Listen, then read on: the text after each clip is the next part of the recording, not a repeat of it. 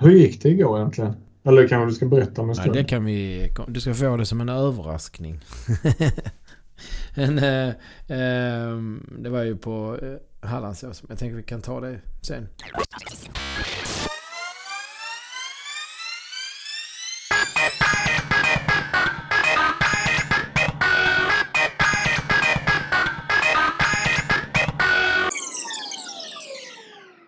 Men du, eh, jag måste, du, ser, eh, du ser slank ut i bilden.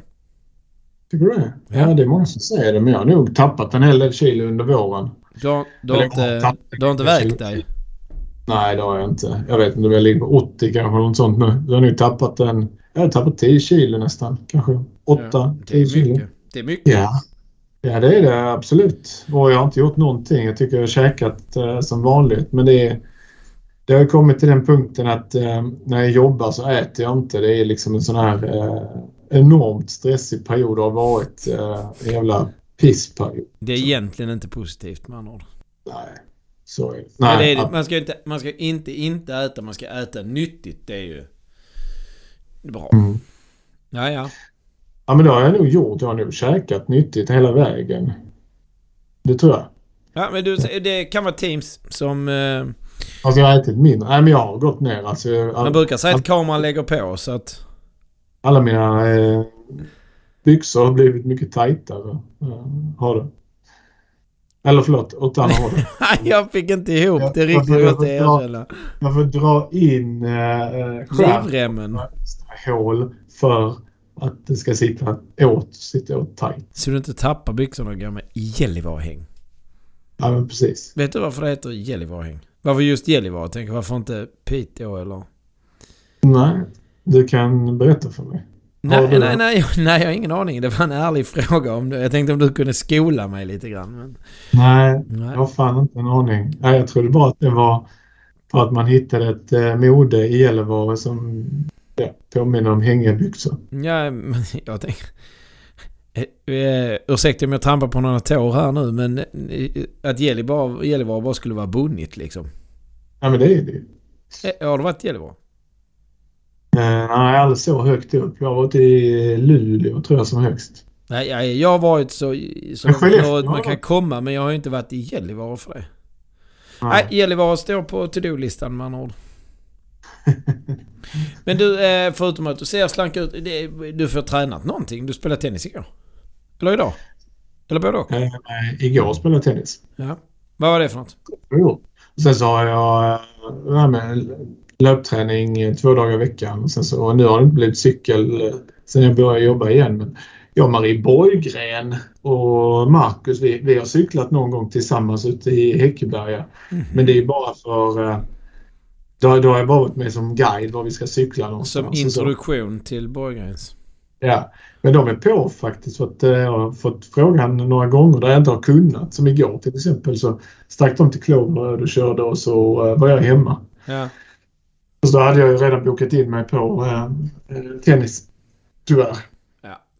Men jag får säga den, denna sommaren också som vaskad. Nu har jag ju sagt upp hela mitt engagemang i den där tennisklubben. Så nu blir det ju eh, bara mig själv nästa år. De coola vaskar champagne och du vaskar somrar. Ja, säsong. Ja, precis. säga. Men eh, alltså, samtidigt tycker jag så här. Eh, nu ska vi säga för, för våra lyssnare så vet de ju inte vem Marcus och Marie är. Men det är dina grannar. Mina före detta grannar. Ja, precis. Ja, Och att de har kommit igång och cyklat, det är, det, det är, det, ja, det är nästan den bästa sortens cykling. Alltså Ja. att få ta med någon annan ut och visa det, det fina med det. Mm. Tveklöst. Ja, de, är, de är duktiga, framförallt Marie. Men det är ju en friluftsfamilj. Marie är ju o- engagerad i friidrott, eller förlåt, i orientering. Ja. Så hon är duktig och, och rör på sig i skogen. Så nu har hon upptäckt mountainbike som är kul. De kommer kanske börja köra mountainbike-orientering sen. Alltså, jag visste inte att det fanns som idrott. Jo, jo, jo, jo. Eh, Lina Tuvesson vann SM. Det var Ja. väldigt vad vi namedroppar här, men eh, det gjorde hon i alla fall. Eh, ja, Anna körde faktiskt också någon eh, sån här... Ja, men det var mer en, en äventyrstävling, men det ingick att eh, orientera. Det är därför jag vet att Linda vann, för att man har ett särskilt kartställ till cykeln när man Mm. mountainbike-orienterar. Och eh, då frågade jag... Eh, Linda om råd när eh, Anna skulle testa det. Mm. Och, och så köpte vi ett sånt där kartställ för det kostade inte så. Det var lika bra att köpa ett liksom. Mm. Eh, och det var ganska så... Ja, Anna tyckte det var skitkul i alla fall. Men hon är ju också så- orienterad. Och, och mountainbike-orientering så här, då får inte... Det är ju inte som orientering orientering att du tar en riktning och springer rakt över obanad terräng. Utan du får bara cykla på stigar typ. Mm. Men ändå, du ska liksom ta dina kontroller och, och vägval och sånt. Så det är fortfarande... Det är orientering. Fast på cykel. Mm. Kul. Mm. Ja, mer sånt. Ja. Mm. Som skidorientering. Det är ju inte, det är inte så att det får eh, störst uppmärksamhet i media direkt. Men det, det är ju stort bland de som gör det. Och eh, det är ju en hel del i Sverige som håller på med det. Jag kommer inte ihåg varumärket nu vad det hette det här kartstället. Men de gjorde ju typ till skidorientering och till mountainbikeorientering. Och de stödjer jag gärna. De var otroligt nischade. Men det är jättefin kvalitet på det, det vi köpte där var... Ja, det kommer hålla vår livstid. Riktigt bra kvalitet. var köper man ett sånt kartställ? Nätet. Ja, men det är ju inte den traditionella cykelaffären eller... Jag har aldrig sett det så jag har dålig uppfattning om hur det ser ut. Nej, nej, nej. Inte på... Nej, nej. Det var faktiskt lite så. Det var inte helt okomplicerat att hitta det. Det var nog tack vare Lindas hjälp som jag fick tag i det. Hon hade så här... Det har jag ärvt eller haft i... Liggande i 30 år. Eh, och sen typ på en bild på det så såg vi vad det hette och så googlade vi oss fram till det. Och, och på det sättet hittade vi eh, det. Och köpte det direkt därifrån. Men det var, det var smidigt. Det var överkomligt och... Ja, riktigt lätt att montera och bra kvalitet. Det är ju liksom som en plastficka i lite hårdare plast som man skruvar fast på styret. Mm. Inget konstigt. Absolut inte. Nej. Har hon använt det då? Ja, ja, men hon körde någon sån... Eh, det måste ju varit i höstas. Ja, hon körde någon sån tävling som var... Och, det var med lite så här stationer. Så när man kom fram dit så kunde det liksom vara ett uppdrag. Och hon körde tillsammans med en kompis, Janna, som också cyklar mycket. Mm. Så jag tror Janna ville ha med Anna för att Anna kan orientera. Och Janna kan cykla. Mm. Ja, men det var precis när eh, Anna hade börjat cykla mountainbike och så här. Så att det var, det var nog lite spännande. Men hon, det var en jättepositiv upplevelse. Vad roligt. Uppe på åsen var det. Okej. Ja. Ni har börjat bege er ut. eh, Ni tar er långt för era äventyr. Det är inte runt husknuten. Ja men nu är det ju inte, inte de senaste två veckorna jag har varit iväg så mycket. Men eh, nej, men eh, om inte... Det är väl kvar vid den samma gamla sanningen att Mohammed får faktiskt komma till berget. För berget kommer inte till Mohammed. Så att Mhm. det är väl inte mer med det. Men så tycker jag ändå vi har varit i närområdet. Ehm, och sen sen är det ju, vill man ha backar så är ju inte Näset precis det stället som ger en tillfredsställelse. Det kan man inte påstå. Nej, såklart. Det är väl det stället då i Kristianstad där eh, floden kommer att ta de största landytorna snabbast om det skulle vara en höjning av havsvattennivån. Ja, alltså det, ja, nu, nu hoppar vi ner i ett riktigt kaninhål men på något sånt där Facebook-forum eller Facebook-grupp som, eh, om Näset så var, var det någon fråga om någon vägförening som skulle tvingas göra dagav, eller dagvattensavledning på något vis. Och att det skulle kosta Ja. pengar och det var givetvis missnöje och så vidare. Då var det en som kommenterade att han var uppvuxen där och de senaste 35 åren av hans liv så hade det diskuterats att Skanör, Falsterbo och Höllviken skulle vara under vatten inom eh, en snar framtid. Och än så länge var han torr om fötterna. Ja, Mm. Jag tror inte på det. nej, han tror inte på det. Men eh, nej, jag vet inte. Det är, eh, här är ju inte sådär, det någon sådär. Det finns, eh, det finns ju teorier om hur eh, liksom vattnet ska stiga. Men eh, utifrån, jag såg någon, eh, hittade någon sån här film, eh, det var någon sån här Google eh, outbreak jag hade. När jag hittade någon film där man på 80-talet hade gjort en animering eller en bedömning av hur då Skanör Falsterbo skulle stå under vatten. Och eh, man kan väl säga att de hade åtminstone fel därför att till eh, 2021 så var det nog rätt så... Ja, då hade jag inte behövt gräva pool i alla fall. Så kan man säga. Och jag hade haft närmare till stranden än vad jag, än vad jag har om de hade haft rätt. Färre grannar också. Eh, ja, och flesta av grannarna i husbåtar. Ja. ja. Men, eh, nej, men jag tror om man ska vara seriös så är det nog absolut något man, man måste ta på allvar. Men var i Holland i somras och såg hur de jobbar med, med sina sanddyner till exempel. Att de har ju delar av sanddynen som man inte får beträda. Mm. Eh, Och så odlar de då eh, typ så här strandgräs på det. Ja, för, att, för att binda sanden. För att Ja. där är ju inte... Problemet där är inte den globala uppvärmningen. Det är ju en helt... Det är liksom en fråga till. Utan problemet Mm. där är att sanden är så lätt flyktig eller så flyttar sig så lätt att man eroderar ju bort kusten på något sätt. Men de jobbar med det. Ja, det var ju så man gjorde. Sandskogarna uppkom ju eh, för att hålla ett strandskydd. Mm. Både Ystad sandskog och även Lödde sandskog. Det är ju, eh, det, är ju utifrån ett tänk där man ska be- bevara eller man ska skydda. Det ska Ja. ge ett skydd. Ja. Strandskydd helt enkelt. Binda fast marken. Mm. Ja, men eh, hur går löppassen? Förutom att du leder Borgrens ut i skogen, hur går, eh, hur går löppassen? Ja, men det är trevligt. Ja, men det är bra faktiskt. Det är lättillgängligt. Så det går bra. Det är bra underhåll och eh, men det är, en trevlig, det, det är bra träningsform. Så att jag, ehm, jag har ingenting att, att klaga där. Jag skulle vilja eh, komma igång med lite mer lopp här nere. Har, du har varit aktiv men låt säga att man hade börjat liksom träna för någonting. Det hade varit roligt med ett, eh, ja, Göteborgsvarv nu till exempel eller Mm. ett Stockholm Halvmarathon eller, eller något liknande som man har sluppit eh, resa så långt för. Eh, fortfarande ganska försiktig med de här stora folksamlingarna. Måste säga. Men det jag... jag nu, blev det någon lopp här 2021 det blev ju Helsingör och vi ska prata om Kullamannen sen. Så att, och det är ju lite större lopp. Men det jag... De är roliga. Och, och, och nu har man genomfört dem så att ja, det är ju ljuset av det. Men jag saknar de här små, du vet, stadsloppet. Hörby marknadslopp eller... eh, Nej. Eh, De tycker jag att det skulle vara jätteroligt om de kom igång igen. Och jag hoppas att, eh, jag vet inte hur det har varit, om det har varit tufft för dem och illa ställt med intresset för det. Men jag, jag hoppas att här efter, efter pandemin släpper taget om oss lite grann. Att vi kan komma tillbaka till den typen av små lopp. Alltså triathlon är ännu bättre där man bara, här är en gräsmatta, här är en sjö och så simmar du där i och sen så byter du här och så cyklar du ut på det hållet, springer på och så går vi i mål och så tävlar vi lite grann. Det Ja. är ju fantastiskt trevligt.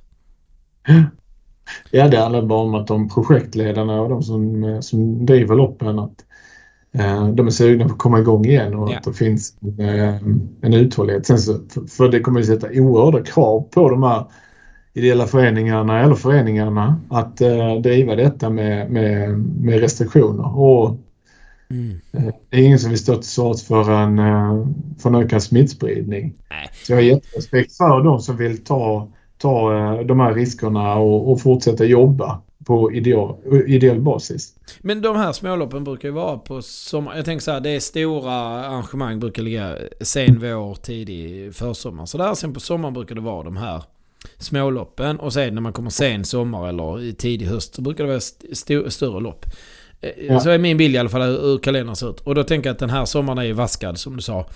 Eh, pandemivaskad då också. Men eh, att nästa sommar kan bli en sån där när man kan känna på torsdagen att fasen, eh, nu känns benen lätta. På lördag vill jag nog tävla där eller där. Mm. Jag gjorde ju faktiskt något liknande i tisdags. Då var jag ute och orienterade igen. Mm. Eh, Och det var en del sådana här, föreningen eh, OK Continent har en Park Tour. Alltså mm, typ parkorientering. Så det var här Mm. i, i Falsterbo borta vid strandbaden. Det var ja, men, mycket sand. Ganska Ja, jobbigt. så. Ja. Vi, vad, vad sa du? Vad var det för förening som... hade- OK Kontinent är ju min Ja, ja, ja, Annas förening sen, sen början. Så Ja, ja men det är jätte... Och det är så här eh, pandemisäkert. Man ser till att du... Det är självstart. Du startar när du vill. Ehm, Mm. Och sen är det... Ja men du kommer dit. Du har ingen... Du har avstånd till folk. Det, ja alltså det är inget konstigt. Och det, och det är ju inte tävling tävling utan det är så här... Tävlingsinspirerad träning. Ska man säga så? Mm. Ja. ja, det är det mesta just nu. Ja, men eh, riktigt kul och, och jag menar någon har engagerat sig och sätta ut kontroller och göra en bana och det finns karta och hela den biten. I, i, riktigt kul. Faktiskt. Ja. Ja. Det fast det gick dåligt för mig då. Men eh, det beror på att jag inte är bättre. jag har varken rutin eller talang. Ja, man ska ha respekt för de duktiga orienterare. Det är de absolut bästa löparna. Nej, Förlåt. Sinnessjukt. Ja, men, men det, är, det är väldigt duktiga löpare. Ja men man tänker så här att eh, löpning när, när vi kommer till att springa fort så är löpningen en ganska så smal eh, grej. Alltså väljer du att springa 1500 meter så blir du jättebra på att springa 1500 meter. Du kommer aldrig kunna tävla med någon som är duktig på att springa halvmaraton i sådana fall. Fastän att du plöjer ner otroligt mycket tid på att springa. Tittar man på orientera så är det nog det mest... Jag menar utifrån om man ska liksom lägga till ett eh, mångsidighetsperspektiv är nog orienterarna riktigt eh, konkurrenskraftiga. Ja. Jag tycker det är roligt när det blir tufft. När, när det är riktigt snårigt. Det är få som gör det. Ja, det har varit, eh, det har varit bra. Jag kan inte tänka mig fotbollsspelare som springer milen en gång i veckan tycker det är roligt att springa i obanad terräng. Nej, myr. Han vill ha myr. Ja. Ja. Jag tar rakt över våtmarkerna. Nej men eh, jag tror ändå att... Och man ser ju orientera på många, många tävlingar. Men det var ju också varit bra orienteringstävlingar på TV faktiskt. Sett lite av dem. Det är ingenting. Vi, vi pratade inte om det senast, men eh, såg du OS-cyklingen? Mm, mm, självklart. Ja. Ja. Jag, jag, jag, tittade, jag tittade lite med ena ögat på, på herrcyklingen, men framförallt på damfinalen när Jolanda Leff Mm. drog loss. Ja. Det var ju hon och hennes landsmaninna som var eh, ett och två ganska länge. Men där eh, de kom upp för eh, ett litet krön, lite kulle. Och på landsmaninnan som jag har glömt namnet på eh, eh, tappade fästet och blev nästan lite utträngd och sen så kom hon inte upp. Ja. Eh, Men det var ett par ställen på OS-banan i mountainbike som var... De var grisiga. De var grisiga. Oj jäklar. Det var ju inte förrän när eh, fältet hade dragit ut sig och eh, så, som eh, alla, eh, alla segment faktiskt cyklades.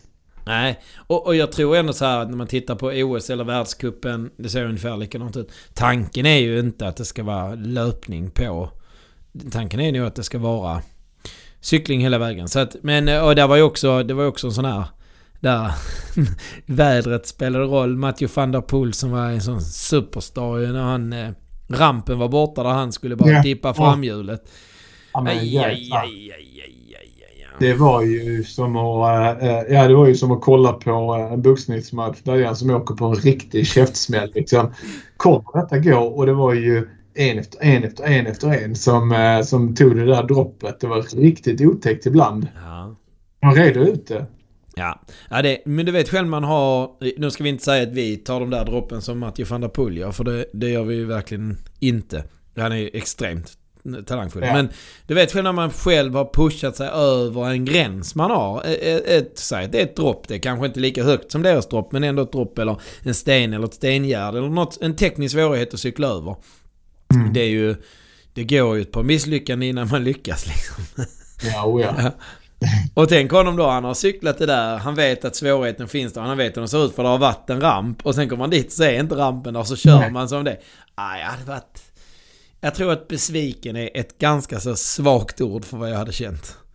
Och det är ju en insikt han får precis i tävlingen. Ja, I luften när hans. OS-tävling är på väg att gå Ja. duktigt sideways.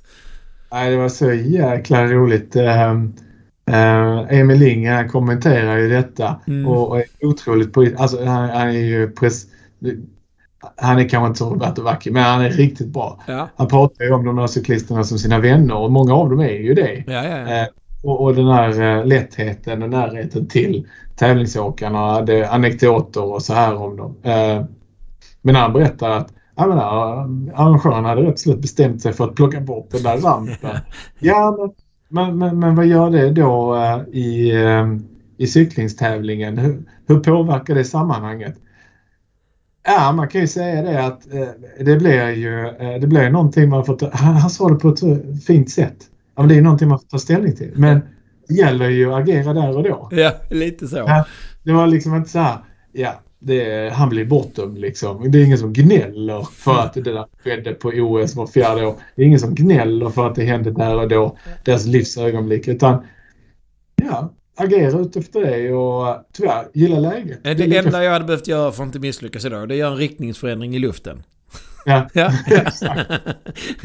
ja, jag, jag kunde inte det så det sket sig. Nej, det kan inte vi andra heller. Ja. Nej, men OS var för övrigt både cykel och triathlon och även friidrott som jag också tycker är, är sjukt kul var det ju... ja, men jag tycker det var, det var på uppstuds. Riktigt Mm. bra. Ett riktigt bra mästerskap. Eh, Tyvärr, mycket av, eh, av eh, det man vill se det var ju nattetid. Jag Ja. gick inte upp alla kvällar, eller jag gick inte upp alla tävlingsdagar klockan fyra för att följa det jag ville se. nej, nej, nej, eh, nej. nej, verkligen inte. Men ehm, jag har faktiskt haft ett OS där jag gjorde så. Och det, och det eh, Atlanta 96. Då, bodde, då var jag ju 16 år. Då Mm. eh, flyttade jag ner i källaren hos mina föräldrar i tv-rummet och bodde där så att jag kunde bara precis öppna ögonen, slå på tvn och se det som gick eh, på natten. Och då såg Ja. jag nog också allt. Men det, det hade inte riktigt eh, kapaciteten och möjligheten att göra här nu Nej. kan jag påstå. Det var en tid, både du och jag hade sommarlov så att eh, vi, vi hade inte mycket åtagande dagen efter. Nej, nej, det är korrekt. Det var ett enkelt liv, det är det vi kommer fram till. Men nej, med OS, ja, ja, det där boostar mitt eh, cykel och idrottsintresse. Mm. Tycker det är kul att se... Eh, nu kommer jag göra vissa människor upprörda, men norrmännen som Blumenfeldt som vann triathlon då. Mm. Det är ju, det är ju samma, de har ju lite flytt där med Ingebrigtsen och, och company. De, de gör något rätt med hur de får fram sina talanger till att prestera. Ja. Tänk på Leif som jobbar med Karsten Warholm. Mm. Det ser inte världen ut som en riktigt duktig sprintcoach. Men det gjorde ju inte Stefan Holms eh, farsa heller, Jonny. Men Med videokameran. Man kommer jättelångt med engagemang. Eh, Ja. Det är, jag gillar när Will slår skill. Ja, verkligen. Det gör det också. Det kan bero på att jag har så jävla lite skill själv så att det ger mig någon form av förhoppning. Alla har gått bra för dig också i dina grenar. Eh, ja, det beror, men det är en definitionsfråga vad som är bra. Ja. Ja, ja. Men du, Så- eh, Du tycker det är bra precis. Är, är jag nöjd är det bra. Så, så vill jag nog se mina, mina små ansträngningar. Men du, eh, sen vi eh, poddade senast så har du varit på resande fot. Mm. Ja, ja, stämmer. Det har ju du också. Det har varit eh, sommarsemester däremellan. Vi har ju... Eh, jag jag fick ju... Eh, det var året jag fick bestämma var vi skulle landa någonstans på semestern. Så blev mountainbike uppe i Sälen. För jag tänkte att de skulle få eh, möjligheten till eh, ja, men, bland de bättre förutsättningarna. Eh, och, eh, och det hade vi också. Eh, vi hade jättetrevligt. Vi, vi, Sara och barnen blev till och med uppgraderade eh, på cyklar. Är det någon som någonsin ska upp till Sälen och eh, inte har eh, bestämt sig var man ska hyra någonstans? För det fanns ju dyra och sen fanns det väldigt dyra ställen att hyra på. Mm, Jaha. Då tycker jag ju att eh, cykel och längdspecialisten i Sälen by, eh, de fanns också eh, där borta vid Rörbäcksnäs. Ja. Eh, hade två stycken lokaler. Eh, det är väl värt ett besök. Eh, Tillhör de de dyra eller de extra dyra? Eh, nej, de tillhörde faktiskt inte de, dyra alls. Eh, de, eh, de hade uh, heldämpare, de hade el-mountainbikes också. Men då snackar vi ju en, eh, en kraftig prishöjning. Men vi, vi i vår familj, förutom jag, körde på hardtail-hojar och det fungerar alldeles utmärkt. Ja. Eh, Men, eh, men de uppgraderade och eh, de, de gjorde det absolut bästa för det viktigaste för dem, vilket de gjorde riktigt bra, det var ju att kunden skulle ha en upplevelse. Ja. Så jag hade förbokat en storlek på nätet till ett pris. Det visade sig att när vi kommer till Rörbäcksnäs och de gör en lite så här okulär bikefit att ah, men du ska inte ha den här typen av hoj. Du sitter bättre på denna till min fru. Då fick hon ett förtroende Mm. och sen så hade hon en lite bättre upplevelse, åtminstone en halvtimme. För det var ett, det, det var ett moment första dagen, första förmiddagen eh, där vi kom överens om att hon ska cykla med vår äldsta dotter. Och vår äldsta dotter är precis som jag. Det blir hornen ut och lite, det ska vara fart. Mm. Så hon tar med mamma upp på fjället och mamma hon slår ju vad vi kallar i, eh, i Skåne för en mölla eller en vindmölla. Och drar rätt över styret, sätter, sätter då äh, hjulet mot en rot äh, i nedförsbacke. Åh herregud.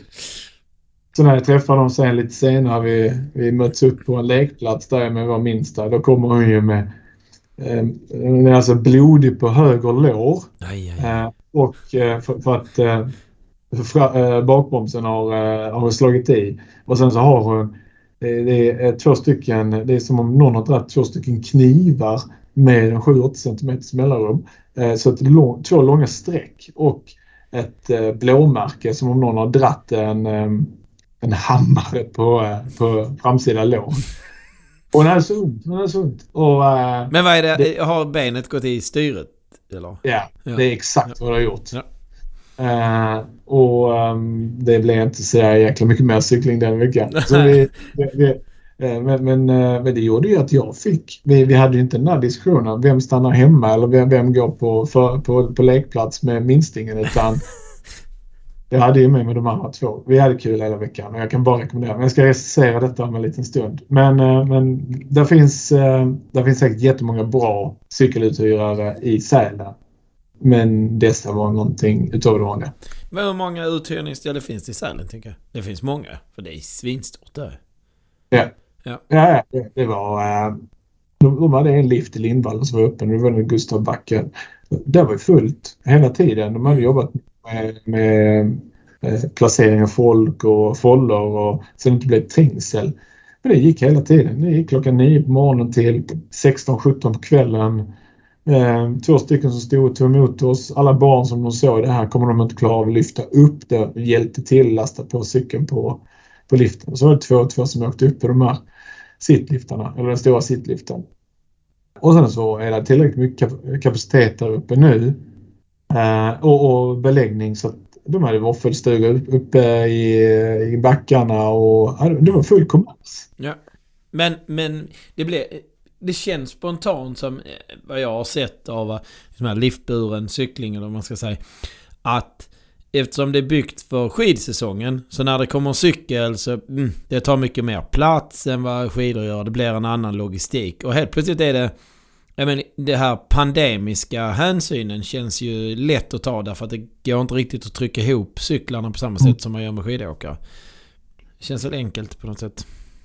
Ja, det var det. Eh, Det var aldrig några... eh, Det kändes aldrig som att det var moment så att eh, det kändes farligt eller så. Nej. Eh, Och, och sen är det typ samma människor som är i fjällen på eh, en vintersäsong har nu tagit sig upp eh, på en sommarsäsong. Ja. Så man, man vet liksom eh, pulsen och vad saker och ting är och eh, vad det tar i tid att ta sig från en punkt till en annan. Ja. Och sen hade de ju Ehm, sen hade de ju gjort ehm, eh, en, en bike park nu också som eh, var integrerad med, eh, med deras eh, mer äventyrsland eller vad man ska kalla det. Det är en, eh, där är en vattenreserv eh, nedanför gamla campingen. Och jag vet inte om sjön är konstgjord eller om det är en, om det är en riktig sjö. Men, men där hade de då höghöjdsbanor eh, med, med utgångsposition ett eh, jättestort uppbyggt torn där man då åkte zipline över till respektive bana som man då skulle klättra och Mm. gå. Mm. Väldigt trevlig. eh, Där var eh, lite häng och, och bord och, och sen så var det då eh, liksom någon form av kaféverksamhet och så. Mm. Eh, klättring för eh, allt från då 4-5-åringar upp till eh, fullvuxna.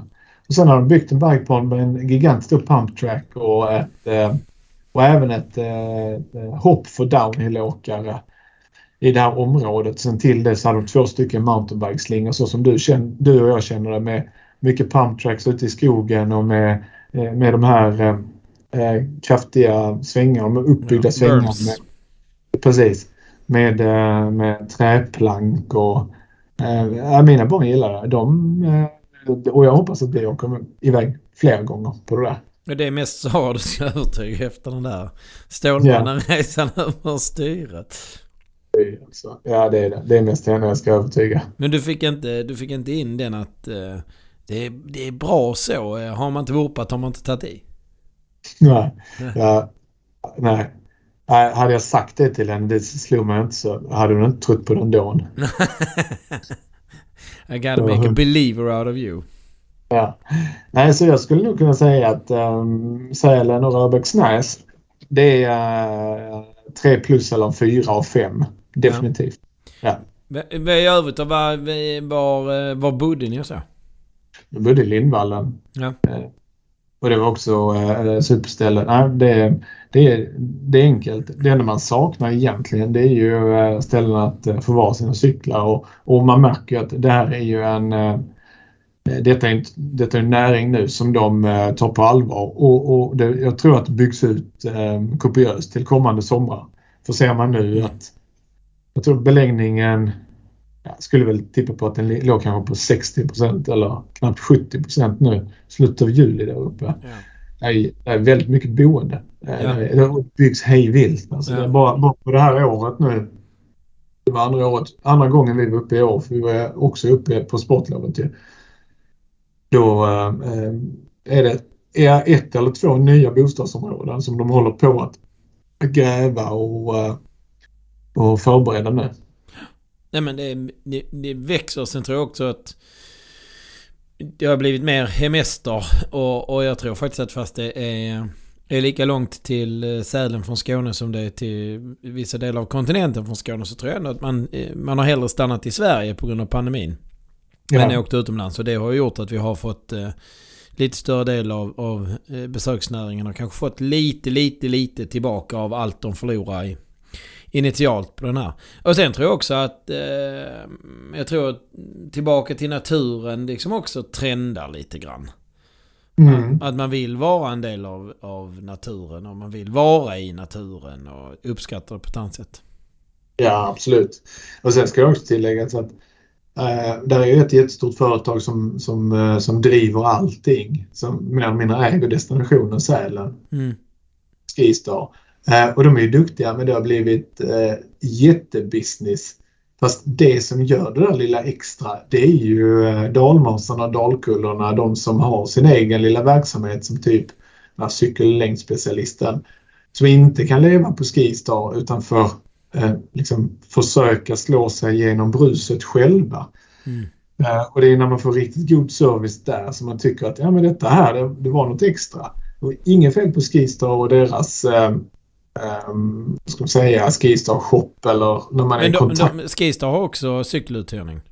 Ja, det har de. Men det den, de. den, är inte tillräcklig för att mätta marknaden ens, tänker jag.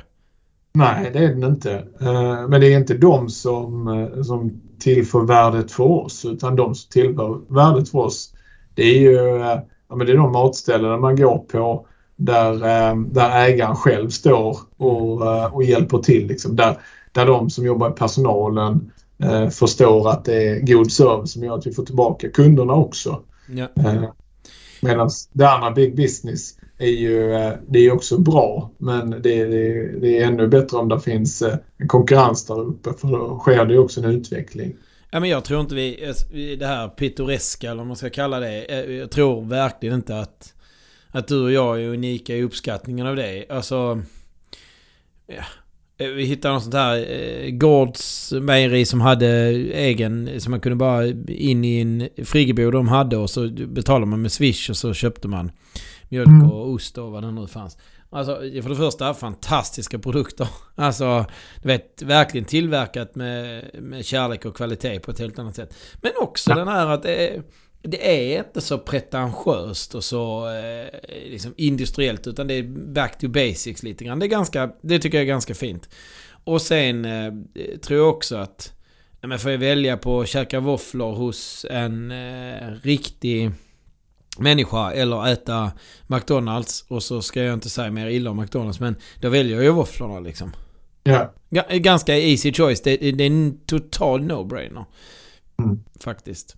Och, och det jag, eh, bit av det jag gillar med, med att åka skidor i Alperna är ju alla de här hytte som man, ja. eh, man hamnar på där man kan få en gulaschsoppa eller en späckplatte som är... Det är kvalitet. Och jag tror att om jag hade, om jag hade tagit hem den där gulaschsoppan eller späckplatten och ätit den en, en fredagkväll så hade den aldrig smakat lika bra som den gör därför att man sitter i den miljön man gör och så vidare. Och det är väl e- exakt samma i, i Sverige. Tycker jag. Ja. Jag, jag. Jag gillar det där som fasen när det inte är... Um, när det är någon som gör saker och ting med hjärtat. Det, det är coolt. Ja. ja, det har inte blivit så industriellt än. Nej.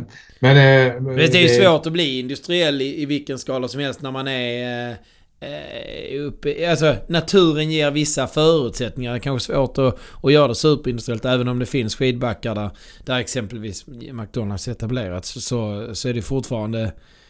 Det är svårare att göra det i skidbacken än vad det är eh, ute i ett köpcentra i vilken svensk småstad som helst. Ja, såklart ja.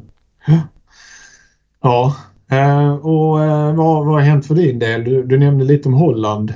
Ja, men jag har en Ja. fråga först. Jag har faktiskt en fråga först.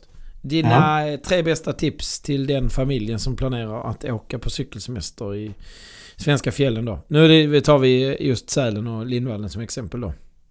Vi kan ta vilken ort som helst. Eh, detta är inte förberett, men ska man vara lite eftertänksam här skulle jag nog säga att man ska, eh, nummer ett, så ska man eh, tänka till med boendet. Det gör ingenting om man har en tiomannastuga om man är fem. För att cyklarna är skrymmande och man drar in mer skit. Man tenderar att dra in mer skit faktiskt än vad man gör på en vintersemester för då kan man ju lämpa av skidorna utomhus. Det gör man inte med cyklar när man har ett eh, samlat värde som en bil. Ja, Liksom. men sen också snö är trots allt renare än lera. Ja, så Ja. är det. Ja. Så därför så... Um, nej, boendet är jätte... Nu, nu, nu hade vi ju en uh, 10 man eller 12 man så att det, det fanns ju utrymme för det. Mm. Så det är nummer ett. Det skulle jag definitivt säga. Eh, och, och nummer två, ja vad skulle det kunna vara? När vi kom upp nu så, eh, så var det ju svårt att eh, orientera sig var någonstans den här cyklingen fanns.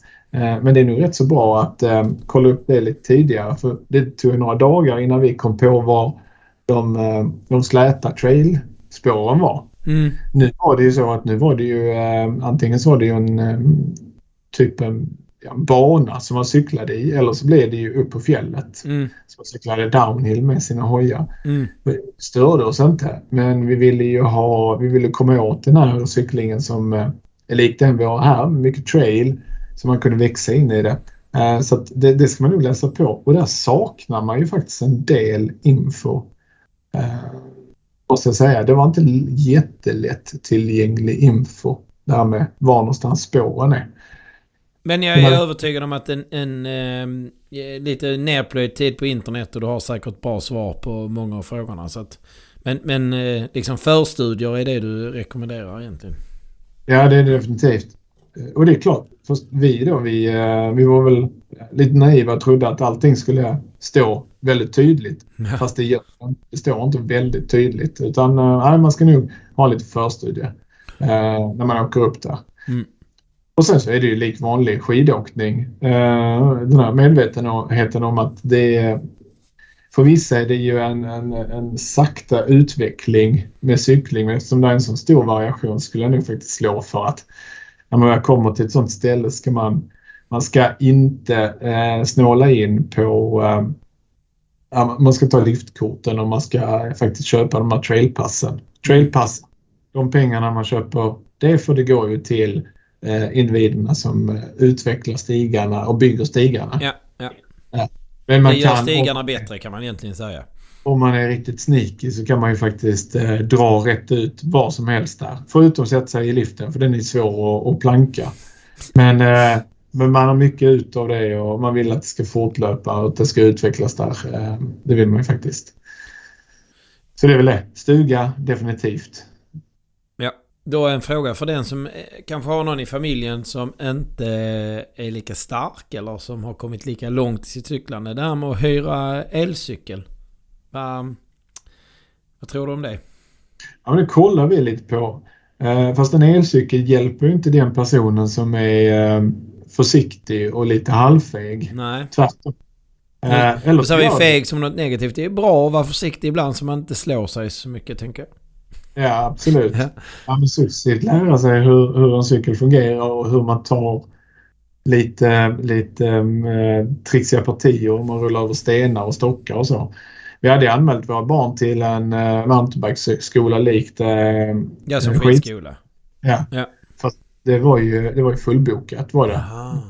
Ja, ja. Det är klart det. Ja. Men vad, såg du något av den skolan eller? Nej, vi såg aldrig det. Däremot så minstingen hade ju... eh, hon var ju en sån här... eh, eh, Valleskola. Så vi lämnade henne halv tio och hämtade henne klockan tolv. Och då träffade de, träffades de, alla barnen, eh, uppe i det här Vallelandet. Sen så gick de ju på fjället med ryggsäckar och Cool. plocka bär och eh, Ja. kolla på eh, djur, djurspillning och... Eh, ja, men de, de var De tittar på bajs. De ska titta på bajs alltså. Det var, ja, det var jättekul. Såg man dem i sina västar och de hade riktigt skoj. Vad tyckte Ester om det då? Ja, hon älskade det. Det var, eh, det var liksom eh, Grey of the Week, lätt. Ja. Men Men, det, tre, tre dagar gjorde hon det på en hel vecka. ja. Men det, det är sånt där som ju gör att det lyfter och att... Eh, jag menar, hade du... Hade det varit ert enda alternativ om inte ni hade haft de större barnen som cyklar med så är det ju, det ju, blir ju tid att, att njuta av, eh, Ja. av vistelsen för de vuxna också. Liksom. Exakt. Ja. Alltså det, det är inte sista gången, kanske sista gången eh, som, som hela truppen åker, men det är inte sista gången vi gör det. Nej, men eh, jag tycker det låter riktigt kul och eh, det, det är bra tips tycker jag. Riktigt bra tips till den som är sugen på det. Och det kan väl eh, tänkas vara någon av våra lyssnare som inte är helt oävna att eh, dra till fjälls. Mm, jag hoppas jag verkligen. Ja. Får jag göra en riktig, riktig tv-övergång då så drog jag ju till fjälls igår. Ja. Ja, fjälls är mycket sagt men eh, Hallandsås. Mm. Skånska fjällen. Ja, men alltså den som säger... Nu tror jag faktiskt att eh, rent så eh, karttekniskt ligger väl kanske Vallåsens skidcenter då som starten för Kullamanna som vi nu ska prata om då. Det, eh, det ligger väl i Halland. Mm. Mm. Så att det är inte... Så Skåne kan ju vara platt bäst vill när, när själva stigningen börjar i Halland. Hur kommer det sig att man ändrat från Kullaberg till Hallandsåsen? Ja, för Kullamannen är ju en eh, trailrunning tävling. Eh, som Mm. alltid går på Kullaberg. Normalt sett startar, i, startar mål i Mölle.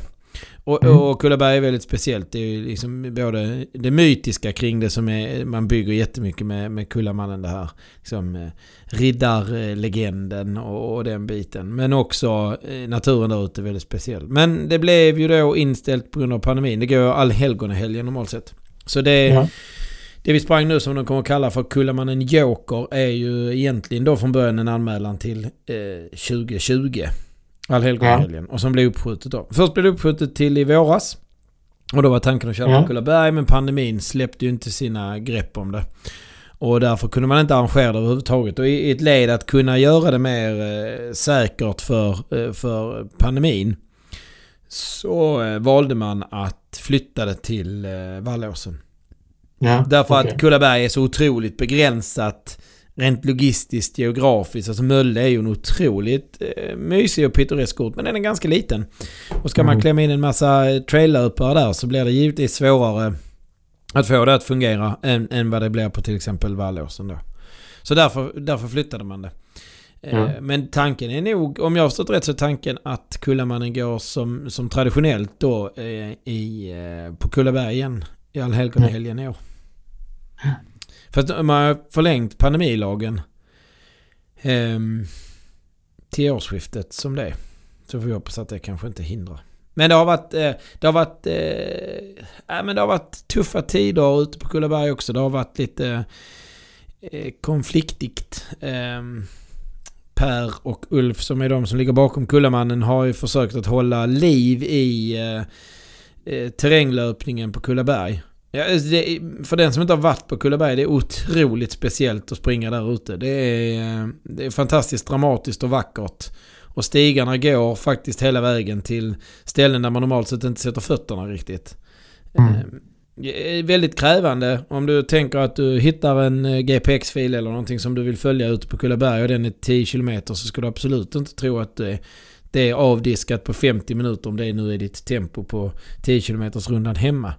Utan det, det tar betydligt längre tid. Det är otroligt tufft och, och de, eh, de slingor jag sprungit där ute har eh, kanske haft men mellan 500 och 1000 höjdmeter när man springer mellan 10 och 20 kilometer. Så det, det, där kan man väl säga att den som säger att Skåne är platt har ganska fel för sig. Men det var också någon liten eh, sån här, det är ju naturreservat där ute och det har varit någon liten eh, incident med Länsstyrelsen att de tyckte att man uppmanade till att folk skulle springa i naturreservatet på ett sätt som man inte får. Och det blev... Eh, nej, det blev lite sorgligt eh, av det hela. Eh, man, lite humor från Kullamannens sida där man... Där, eh, om det var, men det här var i våras, där man ja, fick skjuta upp och då så gav man ut, la man ut en GPX-fil på en, liksom så här, spring den här om ni vill. Och det tolkade Länsstyrelsen som att man anordnade ett event. Eh, och det blev väl inte bättre när de skrev att de skulle dela ut kramar och nallebjörnar och det var till alla som eh, var ledsna. och då, det blev jättedåligt. Så det fick bli dementier och... Eh, nej. Eh, samtidigt tycker jag att Per då, han är väl fyrvaktare också där ute. På Kullens fyr. Um, nej, otroligt mycket humor i allting han gör. Um, och en, uh, ett driv att skapa en stämning kring sitt arrangemang som jag tycker är lovvärt och uh, sjukt coolt. Jaha, så jag, jag kommer inte ihåg dem riktigt. Jag har träffat dem. Ja, det är gamla, det är gamla fallskärmsjägare. Det är, ja, det och de har varit så här, du vet, och, och sprungit i, eh, i Skottland och sådana saker. Det finns någon, eh, vi ska absolut rekommendera någon poddkollega. Om det, jag tror det är Magnus Ormestad. Mm. Som har gjort en sjukt bra intervju med dem om hur Kullamannen eh, uppstod och varför och vem de är och deras bakgrund. Och bakgrunden är ju Eh, Fallskärmsjägarskolan och Karlsborg där de då har liksom väckt den här känslan för att uh, utmana sig själv och sin fysik i naturen. Mm. Och det kan jag säga att både banan igår och banan ute på eh, eh Kulleberg visar tydligt att det är några sjuka fallskärmsjägare som har lagt banan. För att det, det, det väljer aldrig den lätta vägen så kan man säga. Så gårdagens race, hur många var det som deltog? Jag vet inte och det är faktiskt min enda negativa är att resultatfunktion och sånt här har inte fungerat. Eh, inte för mig. Jag, ser, jag har inget officiellt resultat och sånt heller. Jag vet faktiskt inte hur många som deltog. Och ska mm. jag leta på, jag kan gå på startlistan men då vet man inte faktiskt inte hur många av dem som startade. Men man hade ju sin vana trogen olika distanser. För det har man ju på, på berget också. Och huvuddistansen är ju eh, Eh, normalt sett är det ju 100 miles. Ja. Eh, och då startar man det i Båstad och sen springer man ut till Kullaberg därifrån och sen är det varv på berget. Vilket ju är... Eh, ja, det är ganska så kärvt får man väl säga.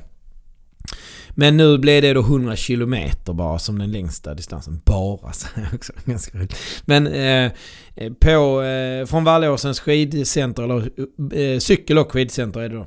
Eh, där utgick man från, där liftarna går på skidbacken Vallåsen. Och sen var det en 25 km lång slinga. Och de som då sprang 100 km fick ju springa fyra varv på den här innan de var i mål. Ja, det, jag ska komma till hur jag upplevde den här slingan. Eh, och sen ja. fanns det då 50 km också. Men du sprang... Eh... 25.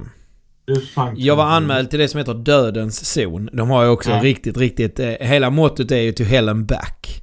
Ja. Alltså det ska vara så otroligt jobbigt att det är to hell and back.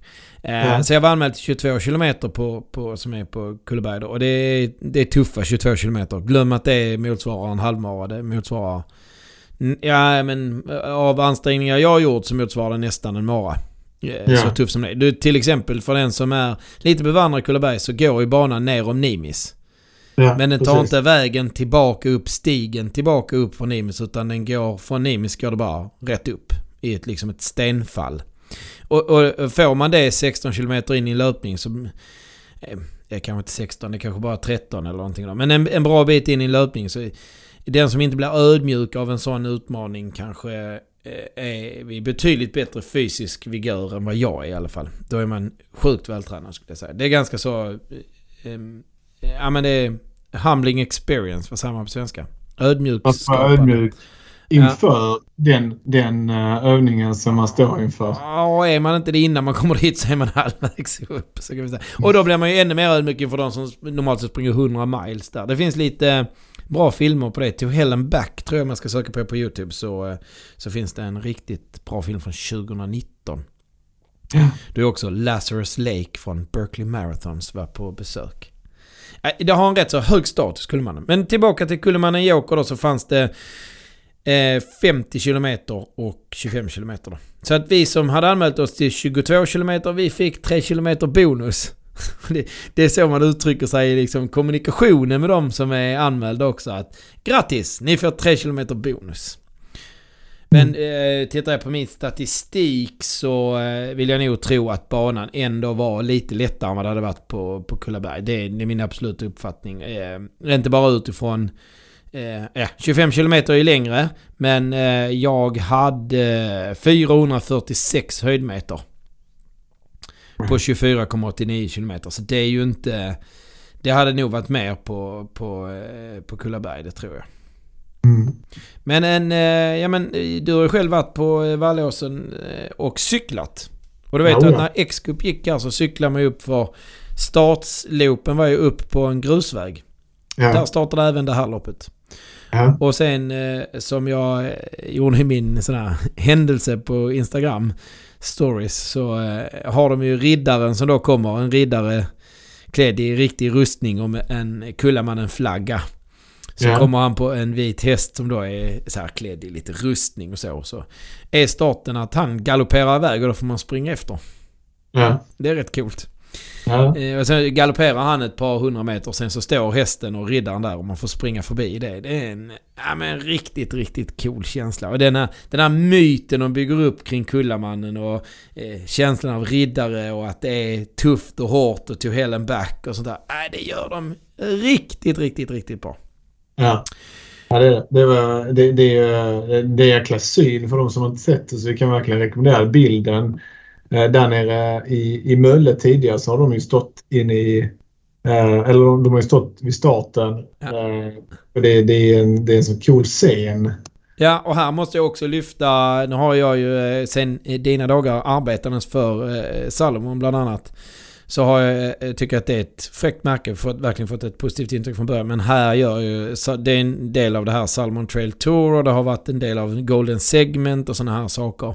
Som är större eh, världsomspännande turnéer. Men vad de gör med sitt varumärke här, det är framförallt eh, Salomon Sunto och, och Land Rover som är inblandade i det med, med med det sponsorskapet.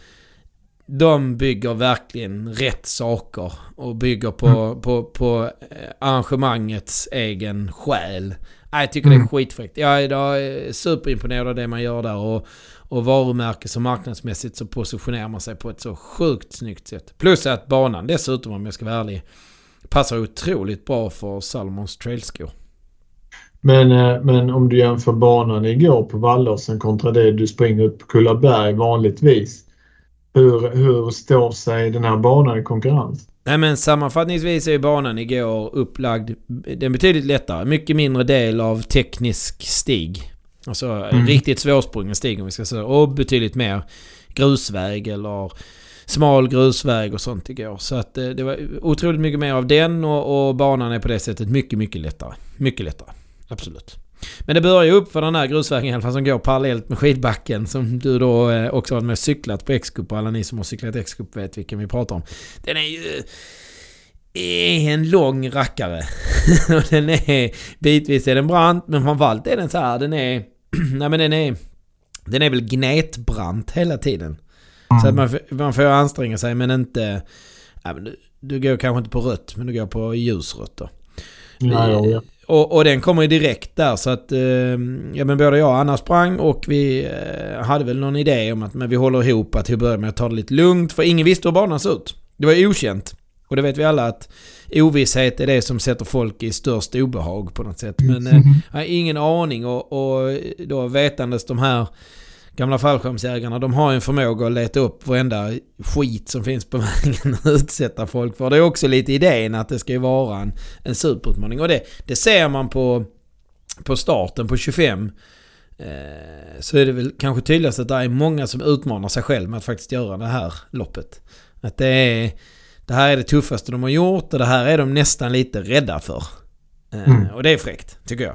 Eh, dels att det finns något som gör en lite byxis, men också att folk vågar utmana sig själv.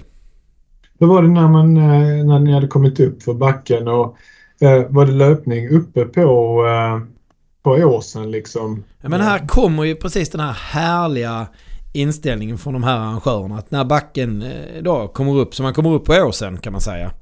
Och, och, och det, det går inte att få så mycket mer stigning. Ja, vi har sprungit rakt upp i, i ett par, någon kilometer i alla fall. Då mm. viker man av vägen, rätt ut i skogen. Och så ja. leder de en eh, 150 meter genom jättetrevlig skogsstig som är i stort sett upptrampad från den här tävlingen. Och jag kommer ihåg att eh, eh jag och Anna han chitchattade lite där och hon bara Shit vad här luktar gott. Det luktar så här skog på riktigt. Och det var, var riktigt, det hade regnat och var, var ju eh, dåliga förutsättningar ska ju vara när det är Kullemannen går allhelgona normalt sett. Det ska vara regn och det ska vara lite småbistert. Så det var ju perfekt att vädret var lite regnigt igår då. Um, men det luktar verkligen sådär skog och stigen var du vet, eh, det följer, står där träd i vägen så viker stigen runt. Men den var inte mer än 150-200 meter, sen ledde den oss rätt ut i eh, en mosse, en myrmark. Och jag vet att jag hade, jag hade kilometermarkering i, i, under tiden vi sprang myren. Så det var mer än en kilometer genom myr. Ja. Eh, och jag, den kilometern fick, fick jag 9 och 15 eller något sånt. Och jag var, jag var i alla fall i zon 3 pulsmässigt. Så att det var inte så att eh, vi gick inte. Utan vi, vi sprang igenom den där mossen. Men det, jag var ner till knäna ett par gånger. och Det är gött. Man börjar en löpning som man vet man har 25 km springa och efter 3 km så har man... Eh, alltså skon och strumporna är totalt mättade av vatten. Så kan vi säga. Mm. Det, det, det blir inte blötare än vad det är nu. Det spelar ingen roll att det regnar och så vidare. Låter nästan som Tjurhuset. Ja, men det är ju det stuket. Fast vi är fortfarande ja. i, i, i, en större naturupplevelse och mindre man-made bana utan mer... Men här, är, här var det blött. Här springer vi. Ja. vi resonerar också det. Om det hade varit en orienteringskarta är detta precis ett sånt område man hellre springer runt. Ja. ja. Men sen kom man ut ur det, då var det rätt mycket... Var det stig där eh, ett tag. Och sen blev det rätt mycket grusväg och grusväg som gick upp och ner och fram och tillbaka. Och sen vägde in i skogen en sväng och var lite stig och så kom det ut på grusväg igen och så... Eh, ja, så. Ja, och där uppför backen. Jag är fortfarande inte eh, speciellt talangfull när det kommer att springa upp för. Jag är för tung och för eh, otränad fortfarande. Liksom det kommer väl aldrig bli något annat. Men... Eh, det kändes inte svinbra. Jag hade ingen jättebra känsla in i myrmarken där och ner till knäna ett par gånger. Så kände jag bara, det här blir långt fy fasen. Men sen, eh, sen hade jag, eh, sen hade jag det riktigt bra. Eh, jag hade ehm, riktigt fina ben. Eh, och kunde bara tassa på. Där. Ja men lätt. Det, det kändes väldigt eh, lätt. Eh, tassade mig bara. Kändes eh, fantastiskt. Så då bestämde jag att fram till, fram till hälften eller till då det skulle finnas en eh, vätskestation. Så bestämde jag att nej, jag ska eh, ta det lugnt fram dit. Vi vet inte hur banan ser ut och sen så ser jag hur det känns då. Och det gjorde vi ihop. Och sen, eh, nej, sen kände jag mig jättestark. Sen blev vi, jag och Anna av med varandra i någon sån här... Eh, någon var kissig eller någon var inte kissig. Och ja, ja, då trodde jag att hon hade sprungit förbi mig. Så jag halvtryckte på för att komma ifatt en grupp där jag trodde att hon var. Och så var mm. inte Anna där och då insåg jag precis att ah, då är hon bakom där jag var innan. Och då var det bara, då var det då hade vi splittrat så då körde vi. Och då kände jag mig skitpigg så då ökade jag lite grann. Mm. Och kunde hålla den, liksom den ökningen. Och sen eh, var det givetvis så att när man vände in i, i skogen ordentligt igen vid 20 km så fick man ju springa lite utför. Och då förstår man att om jag är vid 20 km och eh, den här banan ska vara 25 och de sista 500 meterna är förvisso rakt ner, eller 300 meterna kanske, ne rakt ner för skidbacken. Alltså, då springer du ner för skidbacken. Och då, för er som inte varit på Vallåsen så är den ju så här röd, svart. Alltså den är ganska brant trots allt på sina ställen. Mm. Eh, och, och då kände jag lite grann att om vi springer ner för nu så kommer det gå upp för igen innan vi är i mål. Och då blir man ju lite klok i att eh, bränn inte på för mycket här. Eh, för att då, då kommer det kosta. Så, liksom. så efter, det gick ganska brant ner och så var det rätt fint stig och då tänkte jag så här. Och där kom, en, eh, kom ifatt en kille där. Som såg ut att vara van stiglöpare både på teknik och så här men också utrustning och stuk. Och vi kom och eh, snacka lite där då. Och han tyckte själv att ja, men han var lite besviken på att det har varit så mycket grusväg för att det är jag inte bra på utan det är här när det blir stig som jag är bra. Och jag bara ja men det, det ser jag att du är. Och ja, men där, då blev det riktigt fint. Så vi sprang där och sa att vilken, vilken tur vi har som får springa här. Vad kul det är att få komma till en bana som är så här fin. Och sen så slog det mig bara, ja, och tänk vilken tur vi har som har det här på slutet. Tänk på de som mm. springer 100 km, de är bara på en fjärdedel när de kommer hit. Eh, ganska så tuffa, får man säga. Men eh, Eh, nej, sen blev det lite mer grusväg lite uppför och sen så kommer ju då...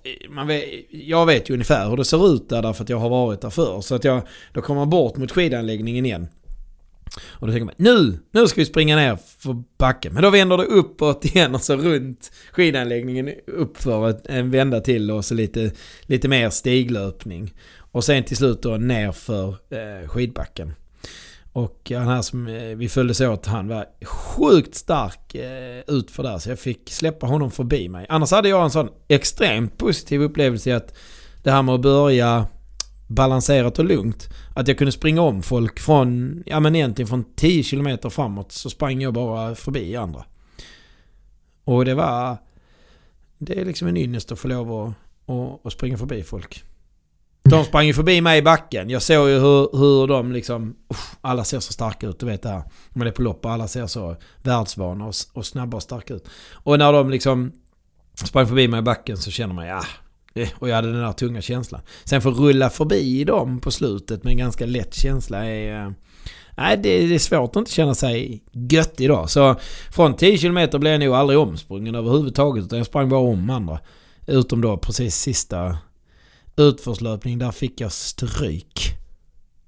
Det är Emily Forsbergs... Uh, det, det, är hennes styrka att uh, plocka, plocka sina motståndare uppför med ett leende på läpparna. Ja, ja men utför är ju... Uh, jag brukar vara rätt... Alltså, generellt bra på att springa utför.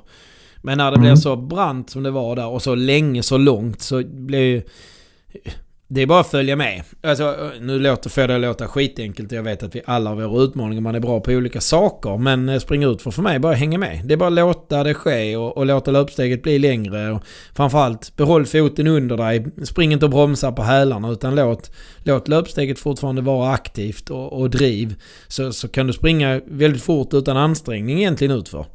Men här var det, hade jag gjort det så hade jag ramlat för det går så jäkla fort efter en stund. Och, och det var ganska, eh, det var, vi var ju sista loppet, 100 km startade kvällen innan. Och 50 startade så att de gick i mål innan eller kanske delvis samtidigt som oss då. Eh, så det var lite uppsprunget och lite lerigt och eh, det var någon passage där när vi kom flygande. Vi sprang förbi några andra löpare. Och då var det som en lerpöl. Och då ropade vi till varandra så här bara bromsa inte, försök inte. Det var ju bara att flyga igenom den här leran och hoppas att man inte ramlar. Eh, ja. ja. Men det gick bra. Men det var ändå som en överraskning. Men eh, det ska vara sådär också. Jag tycker att trail ska ha en sån...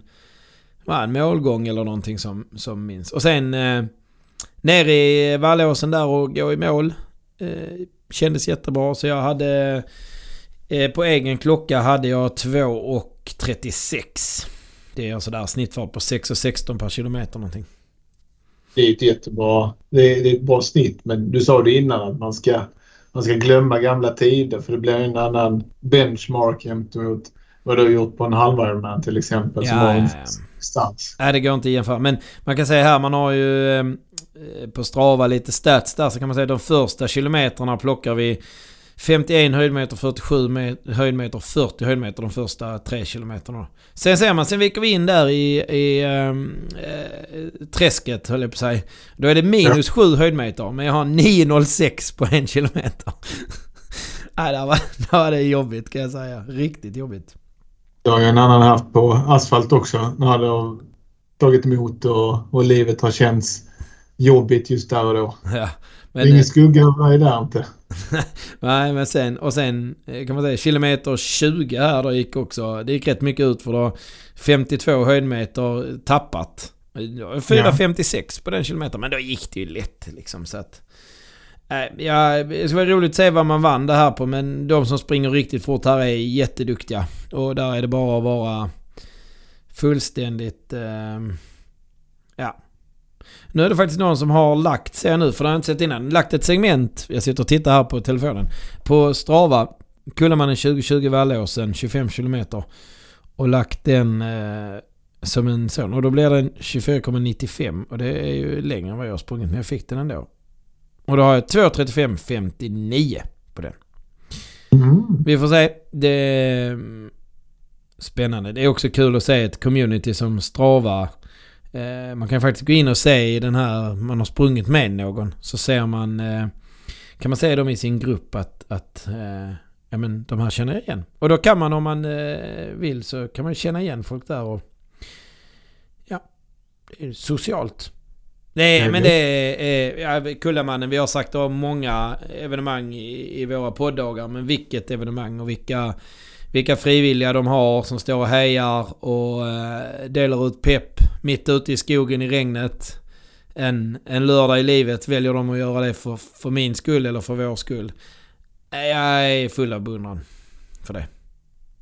Vilken eh, orienteringsklubb eller vilken förening var det som var involverad? Jag, jag, det ser jag inte därför att alla har ju en, eh, en Kullamannen-väst på sig. Så att, men så, de är inte brandade liksom så det är svårt att se. Men jag gissar ja. att det är ett helt gäng föreningar som hjälper till. Det brukar det vara. Det brukar väl kanske vara lukrativa, alltså de kanske tjänar någon pengar på det genom att ha någon marka eller vad de nu hade där. Men Café-TV öppen och sånt. Nej, det där var riktigt... Eh, mm, eh, superpositiv upplevelse rakt igenom och, och ett otroligt roligt lopp och som jag lyckades genomföra på ett sätt som jag är eh, glad för. Det, det gick bra. Så det, det, är faktiskt det andra loppet den här sommaren som, eh, som går riktigt bra för eh, den halva Ironman i, i, i Helsingör var ju också en positiv känsla eh, rakt igenom. Även om jag var eh, mer sliten på slutet där än vad jag var. Jag kände mig nästan fräsch in i mål faktiskt i, i igår. Riktigt god känsla. Ja, kul. För, för äh, aktiviteten äh, låter och det ser ju jävligare ut än vad motsvarande distans skulle vara om du var i eh, Helsingör eller om du skulle vara i, i Eslöv. Liksom. Ja, ja. Men, eh, men det är ju liksom, ja jag tror det är det som lockar. Jag gjorde faktiskt så här också innan vi började spela in så frågade jag, eftersom Anna var med, så frågade jag henne vad hon eh, tyckte om, vad hon tyckte var positivt med, med Kullamannen. För hon var också närmast euforisk i, eh, igår eftermiddag. Eller, ja, vi startade ju sent, vi startade klockan tre på eftermiddagen. Men eh, mm. i mål var hon också jätte, jättenöjd. Så hon, var, hon tyckte det var riktigt fint här med gemenskapen som hon säger. Eh, andra löpare, det är ju fantastiskt god stämning i spåret. Jag håller med henne till 100%. Det, är otroligt prestigelöst. Alla är eh, inte fysiskt men mentalt nakna. Eh, mm. Alltså, dels är man ödmjuk inför uppgiften och första backen plockar av. Om, om det är någon som är kaxig så plockar första backen av dem det. Det är ingen som är kaxig upp för en sån backe. Och det gör att det blir... Ja, det är en härlig stämning. Du vet om någon, om någon ramlar så de hinner inte slå i backen innan andra frågar hur gick det? Om man är beredd att hjälpa sig åt. Och det finns en Äh, det finns en kamratskap i spåret som jag, jag håller med Anna om att det är, det är riktigt fint. Och, och, och, Anna tyckte själv att hon fann stor löpglädje i det. Alltså det var kul att springa med, med andra människor på det sättet. Men där tror jag det går hand i hand med eh, mountainbikecykling också. Nu ska jag inte hänga ut landsväg eller, eller de som springer landsväg för den delen. Utan, men jag tror nog att, eh, att inställningen till att vi gör det inte för att vi tycker det är roligt men vi, vi gör det inte för att för att persa utan eh, man hjälps åt om det skulle vara någon som, som eh, skadar sig. Ja men du har, alltså för det första, jag menar 2 timmar och 36 minuter eller 35 minuter på 25 kilometer. Det är ju inget tempo. Alltså springer du en halvmara och vill göra 1.20 så, så är du ju du är tvungen att hålla tempo. Du kan inte stanna och dricka för att det tempot får liksom vara högt. Här ja, är, det precis. gör inte så mycket om man tappar 30 sekunder på att ta hand om någon annan. Det, Ja, ja, ja, någon gånger som jag kunde tassa på lite fortare där de första 10 kilometerna. Och upp för en backe så gick ja. jag kanske 20 meter för att låta Anna komma ikapp då. Jag losade ingenting på det. Jag vann ju, jag vann ju återhämtning och förlorade lite fart. Jag tror inte jag hade fått bättre tid om jag hade fått inte gått upp för den backen om du förstår vad jag menar. Ja, jag förstår.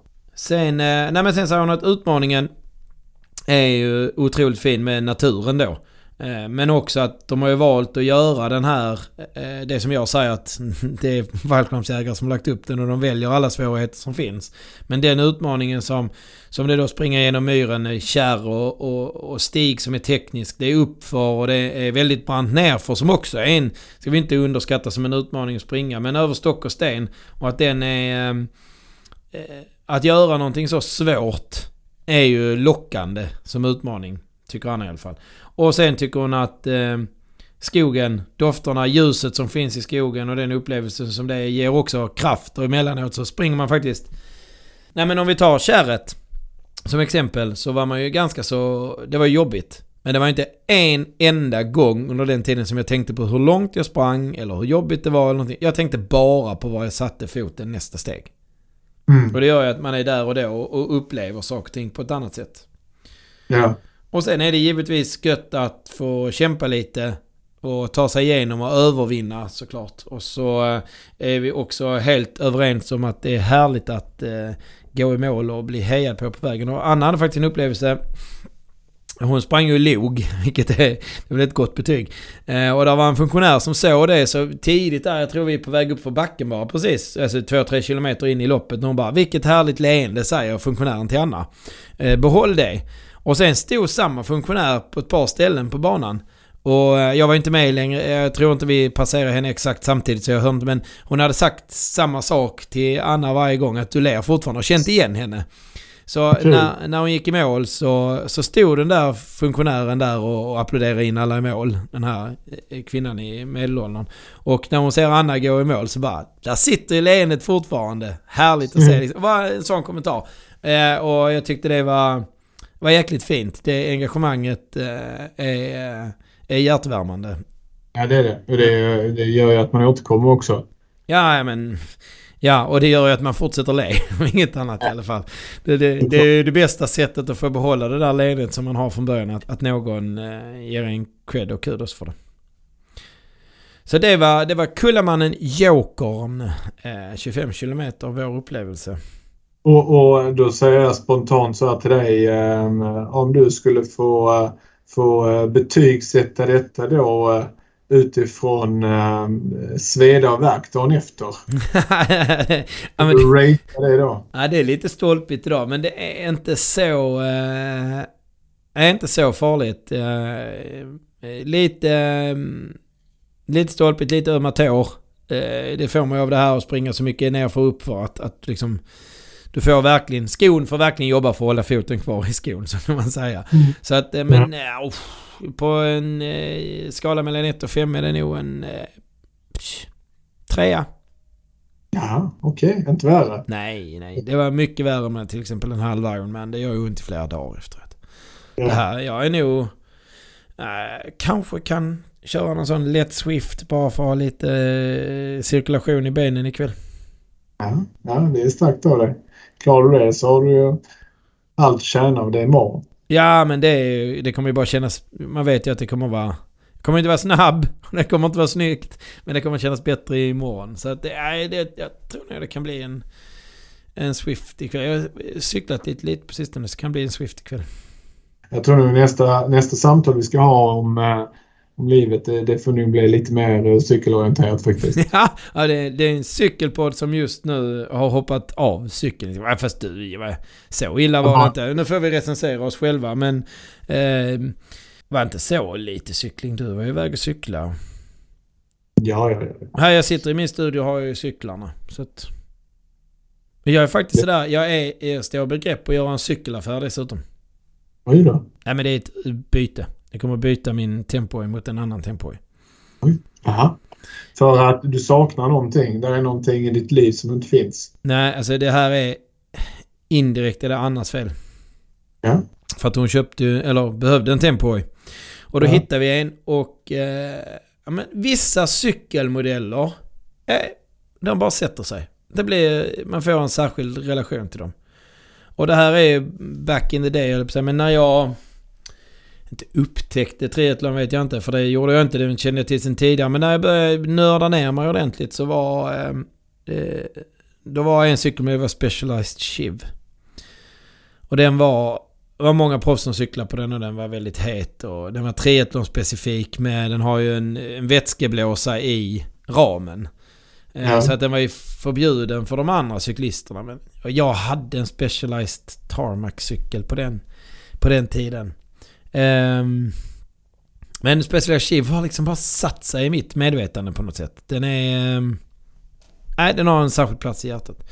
Så när, uh, när vi köpte Annas eh, uh, Chiv så blev jag uh, helt ärligt och uppriktigt lite avundsjuk. Jag vill också ha en. Och uh, jag har en Tempoy som det inte är något större fel på egentligen. Tvärtom, den är hur bra som helst. Men det var... Nej, den gör mig inte lika... Det gör mig inte lika emotionell. Så då la jag en bevakning och letade lite efter... Eh, om det fanns någon som ville sälja en Chiv och då behöver jag egentligen bara hitta en där ramen är, är OK så kan jag flytta över allting jag har på den andra cykeln som jag liksom har pillat och mixtrat med över tid. Så det... Eh, är- men jag, vi har bara precis det sista kvar, eh, säljaren och jag, om eh, vi ska komma överens. Så ska det eh, få lov att komma hem en, en Chiv till mig. Den är dessutom, dessutom svart och vit, precis så som jag tycker att den ska vara. Men har du då en köpare på... eh, Eller du gör dig inte av med någon, eh, med någon hoj nu då? Eller? Nej, men jag gör mig av med, med, ögonen jag har. Men eh, det får ju, jag får se vad jag vill vad jag vill flytta över från ögonen. Jag är lite så här oval klinga och sånt. Så. Se vad jag vill flytta över från den till chiven först. För, Okej. för skrapa ihop min, min Argon 18 och sälja den sen. Ja. Så är Ja. planen i alla fall. Men det, så att, så att det, det händer saker med cykel också fast jag är mest ute och springer. Nu har du ju eh, du har ju börjat på en annons nu så du kommer ju få, Ja, eh, ja, precis. du kommer få slag på den ganska omgående. Skamliga bud välkomnas som vanligt. Ja. ja men eh, och sen är det ju faktiskt också, om man ska fortsätta på det spåret så är det ju här eh, ganska snart. Eh, den 11 september är det dags för Black Lake. Inte för min del, Mm. men för alla som ska göra det i år. Nere i Montenegro. Eh, och det ska ni absolut följa Black Lake Extreme Triathlon på eh, Instagram och så vidare för att se hur det ser ut. Vad följer man? Vad sa du? Vad, följer man? Det finns det någon... Eh, Eh, svårt med livestream på ett sånt Nej, nej, det är ingen livestream på... Jag vet inte vad det kan vara. Om det är 100 deltagare är det... That's it. Eh, nej, men Instagram. Ett bra ställe lite. Det brukar komma lite stories när de har tävling. Så jag tror att Instagram är det absolut bästa stället. De har en hemsida och så vidare. Men, men någon livestream eh, blir det nog inte. Det var ju faktiskt också triathlon-tävling i alldeles ny eh, form och format igår. Eh, PTO, alltså Pro Triathlete Organization, anordnade Collins Cup. Ja. Eh, som skulle vara det nya svarta i triathlon. Där eh, man tävlar Europa mot USA och mot resten av världen. Du känner kanske igen det från en golftävling? ja, det gör jag ju. Mm. Vilka europeer eller vi, vi, ja, vem, vem var det som stod? Var det någon svensk med? Nej, I, nej, eh, nej, nej. Europeiska lag? Det närmsta vi kommer är väl en dansk.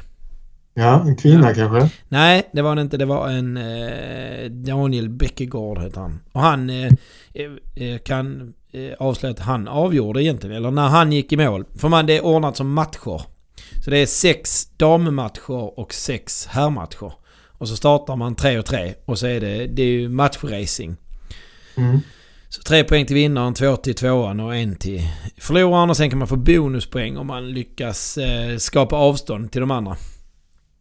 Eh, Vilka distanser är det man kör då? Ja men de körde en specialare. Så de körde 2 km simning, 80 km cykel och så de sprang 18 km tror jag. Ja, då går det rätt snabbt ju. Ja det är ju en, ungefär en halv Ironman. Ja, precis. Mm. Och så blir det ju, du ska tänka på att det blir ju, det blir ju inte alls som triathlon är. Normalt sett att det är väldigt mycket, även om du är proffs och tävlar för att vinna, så är det ju i stort sett en, ett race mot dig själv. Allting som händer på vägen kommer ju påverkas av, av du själv liksom. Utan här är det ju race mot någon. Det gäller att slå dina konkurrenter. Ja, Och ja det just det. var bara uppsnacket var det ju lite såna här eh, catfight mellan eh, Holly Lawrence och Ellie Salthouse. Holly Lawrence från Storbritannien och Ellie Salthouse från eh, Australien. Där de var ju inte, var inte superbra vänner på vägen upp utan det var rätt så, så här, jag ska, jag ska nog fan slå dig. Lite, lite beefigt. Eh, just det slutade med att Holly Lawrence vurpade och Ellis Althaus vann. Men då sa Holly Lawrence i intervju att eh, nej men hade jag hade jag raceat det här för mig själv så hade jag brutit efter vurpan. Då hade jag struntat i löpningen. Men nu racear ja. jag ju för laget. Jag var tvungen att dra hem den poängen jag kunde. Ja, så det gjorde hon. Och det, det är väldigt annorlunda. Eh, formatet får eh, absolut 5 av 5 av mig. Vilket är sjukt roligt format. Och också roligt att man har gamla legendariska triatleter som kaptener för lagen. Så Mark Allen och company var, var eh, kaptener. Och de har ju då fått välja också. Man tog de fyra bästa i PTOs ranking. Och den rankingen är för alla distanser. Och sen la man till två captains picks. Som de fick välja. Och då valde man inte bland eh, Ironman-deltagare utan valde bland den elit som finns inom triathlonvärlden. Alla. Eh, alltså alla distanser. Ironman, eh, Olympisk. Man ville ju ha med Christian Blumenfeldt men jag tror han tackade nej. Jag tror det var samma med, som vann OS då. Och samma med eh, Florida Duffy där som också... Men jag tror också att hon eh, tackade nej. Ja. Att hon redan hade något inbokat. Äh, så. Så att man försökte verkligen för mig, men och det blev också... Sen blir det också så. Du får välja din deltagare varje match. Och då när Europa sätter upp Jan Frodeno. Ja då, då är det ju... Har vi någon som kan slå honom? Han är kanske den bästa triatleten genom tiderna. Har vi någon som kan slå honom? Eller ska vi liksom inte ta vår bästa triatlet mot deras bästa? För då kan vi spara vår bästa och få en bättre match. Så det var de här taktiska elementen också. Ja, väldigt golfen. Ja. Det här var, var spännande. Det, det tåls att gå in på. Vad hette, vad hette tävlingen nu igen? Collins Cup. Collins Cup, ja. Och den, för den som har Eurosport Player så finns den där. Och det var det man skulle göra. Det skulle bli eh, det nya. Man skulle ha eh, liksom, kraftsiffror i realtid och, och följa upp på ett annat sätt. Och det var många av de här sakerna som fungerar. Dock inte kraftsiffrorna i realtid fungerar inte. Eh, men Nej, riktigt fräckt. Sen så var...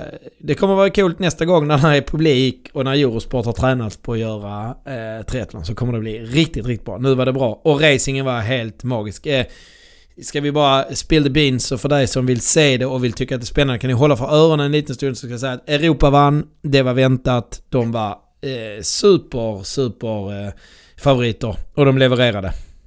Vad gick tävlingen? Slovenien, Slovakien. Det går, idag går det en uh, challenge, alltså den utmanaren till Ironman har en, uh, en tävling där idag. Ah, och det är ja, deras okay. olympiska center. X-Bionic någonting hette det.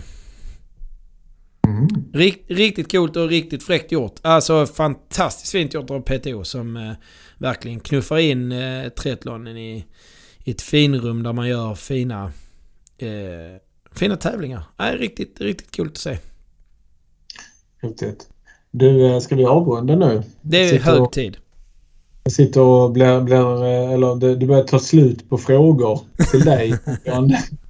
Kullamannen och Triathlon uh, Rider Cup. Ja. Collins Cup.